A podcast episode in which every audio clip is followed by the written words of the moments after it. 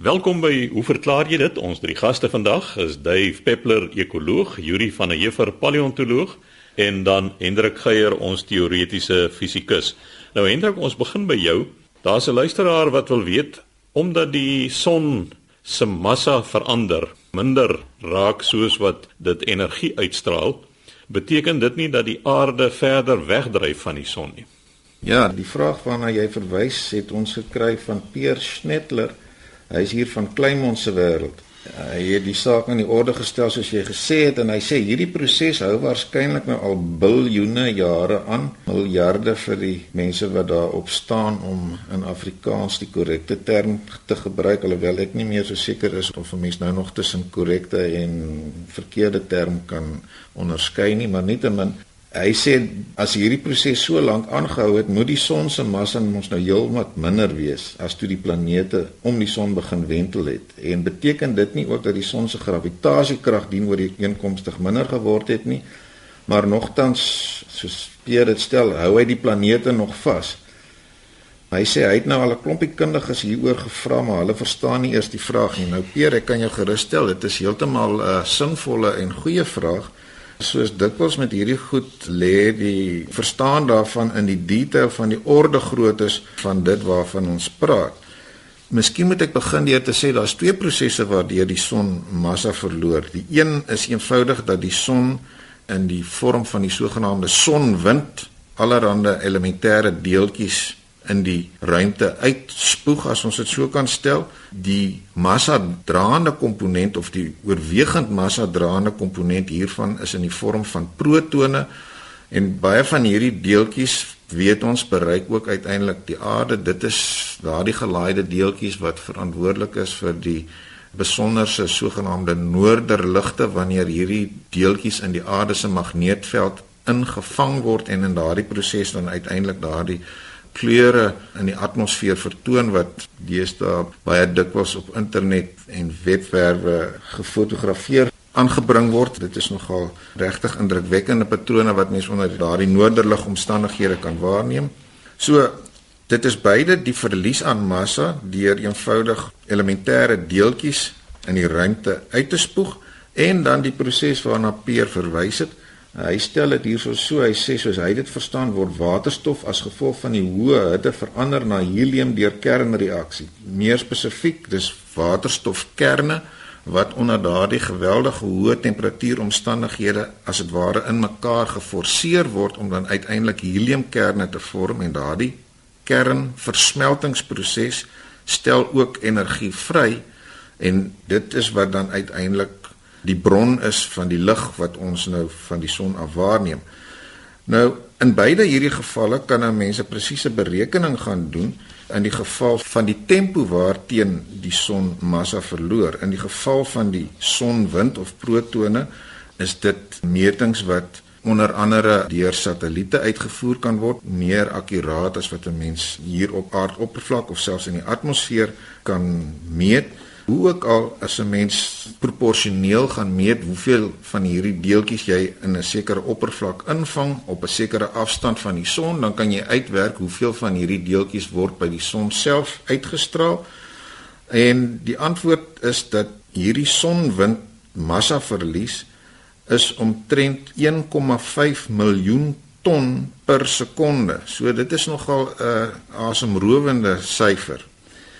Terselfdertyd as 'n mens nou gaan uitwerk wat die liggewendheid van die son is en dit kan 'n mens redelik maklik op aarde meet hoeveel lig of ligenergie per eenheidsoppervlakte die son verskaf, dan kan 'n mens dit ook uiteindelik vertaal deur van die befaamde verwantskap tussen energie en massa gebruik te maak. E gelyk aan mc² om uit te vind hoeveel massa die son verloor as gevolg van straling. En Interessant genoeg, dis van dieselfde orde, maar omtrent so amper 3 keer soveel soos wat in die son wind aan massa verlies gaan. Met ander woorde, die son verloor omtrent 4 miljoen ton massa per sekonde as gevolg van kernversmelting.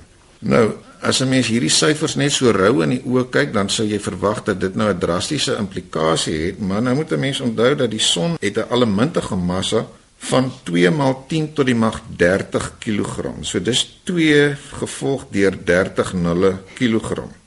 So as 'n mens nou uiteindelik gaan uitwerk wat is die breekdeel wat die son aan massa verloor per sekonde, dan kom jy agter dis maar omtrent 1 in 10 tot die mag 13. Dit is 1 gedeel deur 1 gevolg deur 13 hulle. So dis 'n baie baie klein breekdeel van die son se massa wat per sekonde verlore gaan en 'n mens kan natuurlik hierdie syfers nou omsit na wat gebeur in 'n jaar.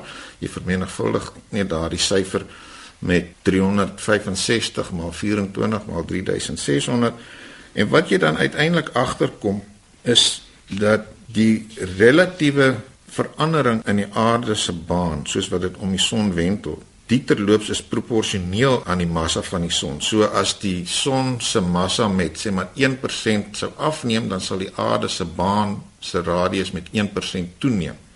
So as jy kyk na hierdie breekdeel wat ons nou pas genoem het, 1 in 10 tot die mag 13 en jy onthou dat die aarde se baan is omtrent 150 miljoen kilometer, dan beteken dit per jaar beweeg die aarde as gevolg van hierdie massaverlies van die son omtrent 1.5 cm weg.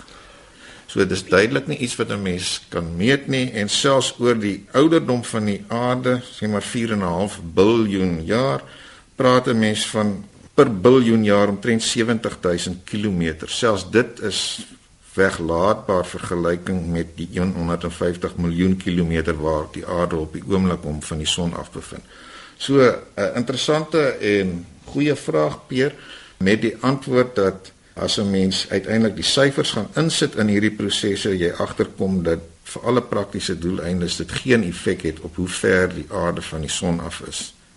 Ek wou net vra Henk dat ehm um, die sonwind is werklik meetbaar in terme dat dit 'n satelliet of 'n ruimtetuig kan dryf met sonseile, is dit so? Dit is definitief van die amper wetenskap fiksie tipe vooruitsigte waarvan 'n mens lees. Duif as ek reg onthou het ek by geleentheid na aanleiding van 'n vraag 'n bietjie hierna gaan kyk en jy praat van dinge wat in die vooruitsig gestel word waar hierdie seile etlike vierkante kilometer strukture is en inderdaad daardie sogenaamde sonwind alhoewel dit nou nie wind in die tradisionele sin van die woord is nie is dan genoegsaam om as 'n aandrywingsmeganisme te dien. So sê Hendrik Geier, ons teoretiese fisikus. Julle daar's 'n luisteraar wat nogal 'n interessante tabel aangestuur het en hy is klaarblyklik oortuig daarvan dat daar 'n patroon bestaan tussen mense se geboorte en sterftedatums.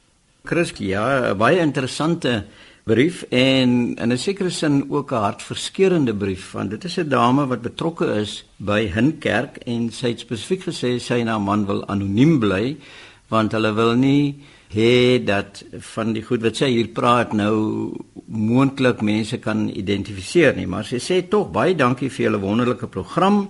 Ons luister elke sonderdag en kan nie wag om sake by die erediens en die katedese skool af te handel nie sodat hulle na hoe verklaar jy dit kan luister nie. Die dame sê sy beleef al jare 'n baie rare of seldsame patroon tussen geboortedatum, die maand van geboorte en sterwensdatums, die maand van afsterwe. Dat lidmate se sterwensdatum baie na aan hulle herdenking van geboortedatum, dit wil sê verjaardag is en weens die vertroulikheid en die moontlikheid dat luisteraars hulle self kan identifiseer wil sê anoniem by. So sy het nou 'n tabel aangestuur met 11 inskrywings en die vergelyking hier is waar mense gesterf het 2 maande voor die verjaardag, 1 maand voor die verjaardag, 6 weke na die verjaardag, 3 maande na die verjaardag, 12 dae voor die verjaardag En uh, sewe van die mense is uh, ouer as 65 en dan is daar nou jong kinders ook wat hier ingesluit is. Nou ek is nie 'n statistikus nie, maar my gevoel was dat sê nou maar 'n mens word nou 80 jaar oud en jy's in Januarie van 'n jaar gebore en jy sterf nou na 80 jaar in Februarie, dan sal mense sê, "Sjoe, dit was dan naby. Is hier 'n patroon wat ons kan raak sien." Ek dink 'n mens moet so daarna kyk dat daar is net 12 maande in 'n jaar en jy is in een van daai maande gebore en jy gaan in een van daai maande dood. So die kans om naby jou verjaardag te sterf is eintlik baie groot. Sal 'n mens kan sê dis 1 uit 12 uit. Dan om nou 3 maande na jou verjaardag te sterf lyk vir my dood normaal. So ek dink nie hier is 'n patroon nie. Ek dink dit is bloot 'n toeval, maar ons het toevallig hier op Stellenbosch 'n uh, mak afgetrede statistikus by name Arnold Miller, Dr Miller wat lank by wiskunde gewees het en eintlik is sy forte is om na hierdie soort statistiek te kyk. En hy het ook 'n boek daaroor geskryf vir die regsgeleerdes waarin hy 'n hele betoog lewer dat statisties is daar selfs met DNA toetse 'n sekere mate van onbetroubaarheid en wat is die statistiese kans dat my DNA bietjie of baie kan ooreenstem met iemand anders nou ek weet hy het vir my gesê hy het die boek toe vir sekere regsgeleerdes gestuur om te resenseer en hulle doodgewoon sê dis te moeilik hulle gaan nie dit in 'n hofsaak gebruik nie toe het ek nou vir Arnold genader en hy het basies met my saamgestem en soos sy gewoonte is baie baie teks aangestuur om hierdie verskynsel te verklaar. Nou ek het 'n paar van die interessantes hier uitgehaal. Een van die goed wat hy noem is dat een van die snaakste toevalle wat nog ooit aangeteken is, het oor 'n periode van 200 jaar gebeur in die Menai Seestraat tussen 'n eiland en Wallis waar daar in Desember 5 Desember 1664 'n seilskip vergaan het met 81 passasiers aan boord en net een het oorleef en hierdie oorlewende se naam was Hugh Williams. Op die 5de Desember 1785, 121 jaar later, sink nog 'n skip in die Menai Seestraat. Al die passasiers en bemanning is dood behalwe een en sy naam was Hugh Williams. Dit is al 'n groot toeval. Maar op die 5de Desember 1860 sink 'n kleiner skip met 25 passasiers ook in die Menai Seestraat. Weereens almal vergaan, net een oorlewende en sy naam was Hugh Williams. Nou mense kan seker argumenteer dat dit 'n redelike algemene naam is in Wallis. Ek sou dink as 'n mens, ek weet nou van Ceres waar daar baie van 'n merwes is, so as 'n mens nou in die doodsberigte gaan kyk, dan gaan daar waarskynlik 'n groot proporsie van mense wat afsterwe in Ceres die naam van 'n merwe het. So jy sou seker daarvan kon aflei dis 'n baie gevaarlike plek vir van 'n merwes om te bly. Hy noem verder oor die verjaarsdae van sokkerspelers en met die openingswedstryd in 2014 met die FIFA Wêreldbeker, die sokker Wêreldbeker, die wedstryd was tussen Brasilië en Kroasie en van die 22 spelers op die veld het 2 op die 5de Februarie verjaar, 2 op die 6de Mei, 2 op die 25de Julie en 2 op die 9de Desember. En dan gaan hy verder. Nou ek kan nie sy hele artikel hier behandel nie, maar ek wil net sê hy het 'n lywige artikel geskryf by name Underestimating the Probability of Coincidence van M.A. Miller en dit is in die Obiter Law Journal in 2014 gepubliseer. En die interessante ding hierin is in die inleiding praat hy van een van die voorsate van Beethoven. 'n dame met die naam van Josyne van Beethoven. Sy was 50 jaar oud en op 5 Augustus 1595 het sy in die dorpie Kampenhout in België gelewe. En dit het 4 keer gebeur dat sy by 'n plaaswerf verbygestap het en juis op daardie oomblik het 'n perd plotseling gesterf. Nou dit is nou so dat die veearts in daai tyd was nie so bedrywe soos vandag se nie. En dit het nou gemaak dat hulle haar gearresteer het en hulle het haar in Brussel in die tronk gestop en toe kom daar 'n hele klomp mense na vore wat sê sy is 'n heks, sy het ooreenkomste met die duiwel gemaak. Die een boer vertel dat sy toegelaat het dat die melk in sy beeste se eiers suur word voordat dit gemelk is. En die ander een getuig toe in pragtige Hollands of in Brussel dan seker Vlaams. Toe sy langs een stoetery stapte, vertelde 'n nuwe getuige, het 'n paard spontaan bloed gepiest en was aan 'n koliek gestorwe. Nou ja, sy wou niks beken nie, want sy was ook 'n vrou van goeie oortuigings gewees en hulle het haar toe op die pynbank gemartel tot sy erkenne dat sy 'n heks is en toe op die groot mark van Brussel is sy toe uiteindelik lewendig verbrand. Sy het wel die aand voor haar verbranding 'n klomp potskerwe in die hande gekry en dit probeer sluk in 'n poging om selfmoord te pleeg, maar dit was onsuksesvol geweest. Dus ek dink hierdie korrelasie of onskynlike korrelasie tussen uh, geboortedatum en sterftedatum is nie werklik nie, dit is bloot 'n statistiese verskynsel. Hierdie dit is 'n redelik bekende berekening as 'n mens begin om met waarskynlikheidsleer deurmekaar te raak. Ek kan nou nie vir jou die presiese syfer sê nie, maar 'n mens het nie veel meer as 20 mense lukraak nodig om 'n meer as 50% kans te hê dat ten minste twee van hulle op dieselfde dag verjaar. En ek dink iets die syfer is so iets so 26 as ek reg onthou.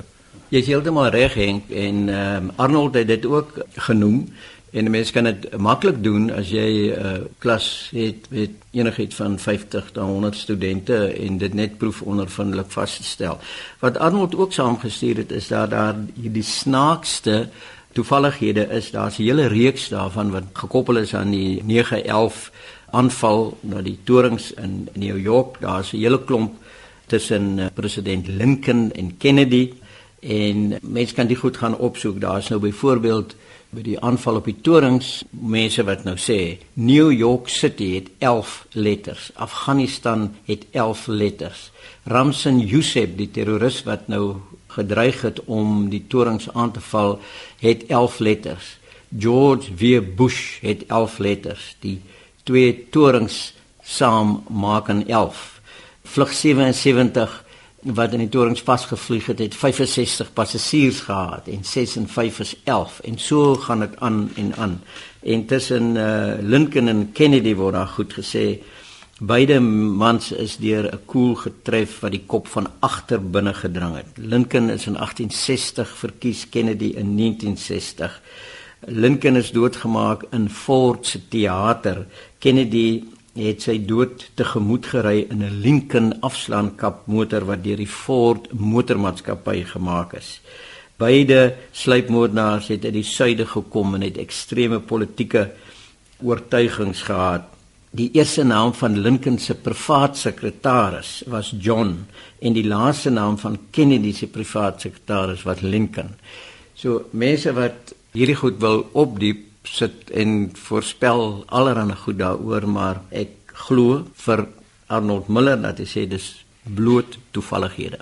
So sê Yuri van der Heever, ons paleontoloog, laaste aan die woord Dave Peppler, ons ekoloog. Dave, hoe word inteling in die natuur gereguleer of dan voorkom indien wel? Chris, 'n brief van Ernie Leonard. Sy vraag is hoe beheer die natuur inteling by diere en hy sê Sy antwoord wat hy gekry het van 'n semi-geleerde vriend, ek vermoed dis nou geleerd, semi-geleerd en dan ongeleerd, is hulle maak met al die woede net vrek. Nou ja, ek is nie 'n genetikus nie en die genetika, soos uh, Yuri veral sal weet, is 'n uiters komplekse wetenskap met terme wat haas ondeurdringbaar is. As jy nie in volle beheer is van al hierdie allele en wat ook al nie, dan raak dit 'n baie moeilike saak om uit te pak. So ek gaan hom probeer generies verduidelik. Inteeldruk of inteel wat die Engelse noem depression is die verlaagde biologiese fiksheid van 'n bevolking as gevolg van inteelt. Met ander woorde, hulle raak meer onfiks. Biologiese fiksheid verwys dan na die vermoë om te oorleef en voort te plant, effektief in uiteraard darwinistiese terme. Baie organismes op aarde wat in elk geval nie veral op 'n hoë trofiese vlak wat nie algemeen voorkom nie, ons dink hier aan blou walvisse en so voort, het in hulle verlede al deur 'n ekologiese sogenaamde genetiese bottleneck gegaan waar die bevolking baie laag geword het en hulle dan herstel het. Nou hierdie diere is dan uiteraard baie geneig tot ernstige inteling. 'n Verdere aspek wat 'n mens moet aanspreek is dat natuurlike seleksie volgens Darwin kan nie ontslaa raak van alle negatiewe resessiewe gene nie omdat hulle spontaan ontstaan as gevolg van mutasie hoofsaaklik. Met ander woorde daar sal altyd gebrekkige gene in enige bevolking wees. Hulle is eenvoudig resessief en wag daar vir die regte oomblik om uit te spring. Nou, hoe bestuur die natuur dan hierdie inteling? En die antwoord In boereterme is dan uiteraard deur die inbring van nuwe bloed. Nou ja, ons ken die ou Springbok storie van 'n boer van Beaufort Wes wat sê manne, dis tyd vir Kalahari bokke want ons bokke raak klein. Kyk 'n mens na die sogenaamde metapopulasie van springbokke voor daar die mens ingetree het met paaie en drade ensovoorts, het hierdie diere oor onsaglike gebiede beweeg. Daar is opgeskrewe akkurate ooggetuie verhale uit Beaufort Wes dat bokke vir 6 tot 7 dae in hulle miljoene deur die dorp getrek het. Miljoene van hulle, letterlik sover die oog kan sien. Terloops, dit is ook natuurlik een van die groot probleme hedendaags met die bestuur van Karooveld. Dat Karooveld is uitgelewer aan hierdie pulse van vertrapping, verryking deur urine en mis net soos sprinkaanplaag wat ons deesdae beheer. Die Karoo puls, dis so snoei en bemesting en dit stimuleer dan suksesie in hierdie droë gebiede. Die inbring van sogenaamde nuwe bloed is betwisbaar. Jy weet want gewoonlik behou 'n bevolking 'n genetiese geskiedenis, maar miskien in terme van bokke wat intensief gejag word op 'n klein plaasie is dit 'n goeie idee. Maar dan kyk 'n mens na dieretuine wat byvoorbeeld hoog bedreigde spesies soos berggorillas probeer teel en dan moet jy eenvoudig van tyd tot tyd nuwe bloed van elders inbring veral as jy kyk na panda teeling jy weet gedreeld word pandas tussen dieretuine heen en weer gevlieg om die genetiese robuustheid van die bevolking te behou. Mens kan dit ook uiteraard baie maklik optel by mense en veral die koningshuise van Europa liewe hemel as jy kyk wat daar aangaan hele spul is ingeteeld veral die Engelse koningshuis jy weet Victoria is met haar neef getroud Albert was baie na verwant aan haar In die Romanovs in Rusland was daar hemofilie, 'n baie sterk inteling daarvan en baie van hulle het gelei daaraan. Dan natuurlik die bekende Habsburg ken, voor tog die arme goed jy kon tee bedien op hulle kenne, dit was reusagtige organe. En hulle het almal daaraan gelei en tot vandag toe slaan die Habsburg ken nog, ek dink dit onlangs in Monaco weer sy verskyning gemaak. Die gene bly sit soos neute. By diere is daar meganismes uiteraard om inteel te voorkom en ek dink een van die beste voorbeelde of bekendste is uiteraard leeu's waar die patriargale stelsel van 'n leeu-mannetjie wat vervang word hulle het 'n baie kort leeftyd hoor dis vlinders van 'n kort seisoen soos hy in die ou kamp gesê het en die lewe van 'n funksionele leeu-mannetjie in die trop is 3 maksimum 4 jaar voor hy uitgeskop word. Soms deur sy eie seun wat die trop agtervolg en dan is daar die gruisame verskynsel van al die welpies wat dan doodgebyt word deur die nuwe vader. En dit is 'n genetiese tafelskoonmaak wat dan verseker dat die nuwe bloed weer posvat. Dieselfde geld uiteraard henk met jagluiperds dat hulle het 'n bewese genetiese bottleneck gehad, die metabevolking reg oor Afrika waar hulle gedaal het tot 'n baie lae vlak, moontlik 1000 of 2000 diere en toe weer uitgebrei het. Dit beteken dat hulle almal aan mekaar verwant is en dit word weer speel in hulle lae teel sukses. Hulle welpies dood baie maklik. Daar's 'n mate van onvrugbaarheid. Ek wil ook waarsku dat ek vermoed dieselfde geld vir swart-wit pense wat nou so geteel word oral oor Suid-Afrika. Ek voorspel dit is een van die dae swart-wit pens biltong op die mark gaan neem want ons het te veel van hulle. Op die oomblik kry mense resagtige pryse daarvoor teelsukses is uiteraard een van die eerste manifesterings van inteelt by diere. Ons sien dit uiteraard ook by huisdiere waar veral honde en katte tot ekstreme mate met sogenaamde lynteeling, met die teeling van naverwante familielede gedwing kan word tot ekstreme forme. Die bulldog, die Engelse bulhond, liewe hemel, eers hulle kan nie asemhaal nie, twee hulle skenk bitter moeilik geboorte. Daar is die voorbeeld van die Belgiese blou stoet van diere wat dubbel spiermassa het. Hulle word, jy weet, hulle slag eenvoudig meer uit, maar dit beteken dat alle kleintjies met 'n keisersnit byna gebore moet word. Jy weet, dit is 'n reuse intrede wat hierdie inteling veroorsaak. Die manier om dit teen te werk is natuurlik met uitteling in teenstelling van lynteling waar jy dan met onverwante spesies met ander woorde dit is die rede hoekom 'n basterhond so 'n lekker hond is hulle is geneties fiks En as jou dogter dan met 'n IJslander wil trou, liewes as die kanaalboer langsaan, dink ek IJsland is 'n beter roep bloot geneties. Jy gaan baie sterk kleinkinders hê. Ek hoop nie ek word aangevat daaroor nie. Die hoogste vorm van lynteeling wat 'n mens deesdae kry is uiteraard laboratoriumdiere in hulle ekstreme vorm. Ek het my daai dag oor 'n mik gelag oor 'n bewende muis wat Michael Jackson se moonwalk naboots. Die stomme ding strompel in 'n pragtige gekontroleerde ritmiese strompel en dit word natuurlik middels teen Parkinsons word op die muise. Daar's haarlose muise, kankermuise, blinde muise. Daar's verstommende goed wat uit 'n aard uit een lyn van wit laboratoriumrotte en muise kom. So, laastens moet 'n mens dan dink dat die bepaling of die bepalende faktor van wat inteling teenwerk is fiksheid, beide voortplanting en uiteraard die sukses van jag. En daarom sien mense 'n groot aantal manifesterings daarvan by diere byvoorbeeld in bokke die lekstelsel waar die onverwagte gebeur waar 'n aantal mannetjies paradeer en wyfies kom stap dan verby en bekyk hulle en besnuf hulle en maak dan 'n besluit oor die fiksheid van hierdie mannetjie kleur speel uiteraard ook 'n groot rol hier waar sekere voëls hulle fiksheid aandui deur genoeg wurms byvoorbeeld te vang wat beta-karotien bevat sodat hulle borsies kan geel wees. En 'n mens kan dit toets deur die borsie uit te tipex en al die wyfies kyk aanderkant. Dan is daar ook die groot kragtoernooie van bergbokke, buffels en wat mekaar kopstamp en die wenner word aangesien as baie fiks ook by die mens word dit kunsmatig uitgebring deur die verbreding van die skouers in pakke en daar was selfs in die middeleeue 'n aanduiding tot die penisgrootte deur die sogenaamde codpiece wat deur die koningshuise gedra het, reusagtige strukture wat niks met die waarheid te doen gehad het nie, maar veronderstel was om welis 'n groot tsunamies op te wek.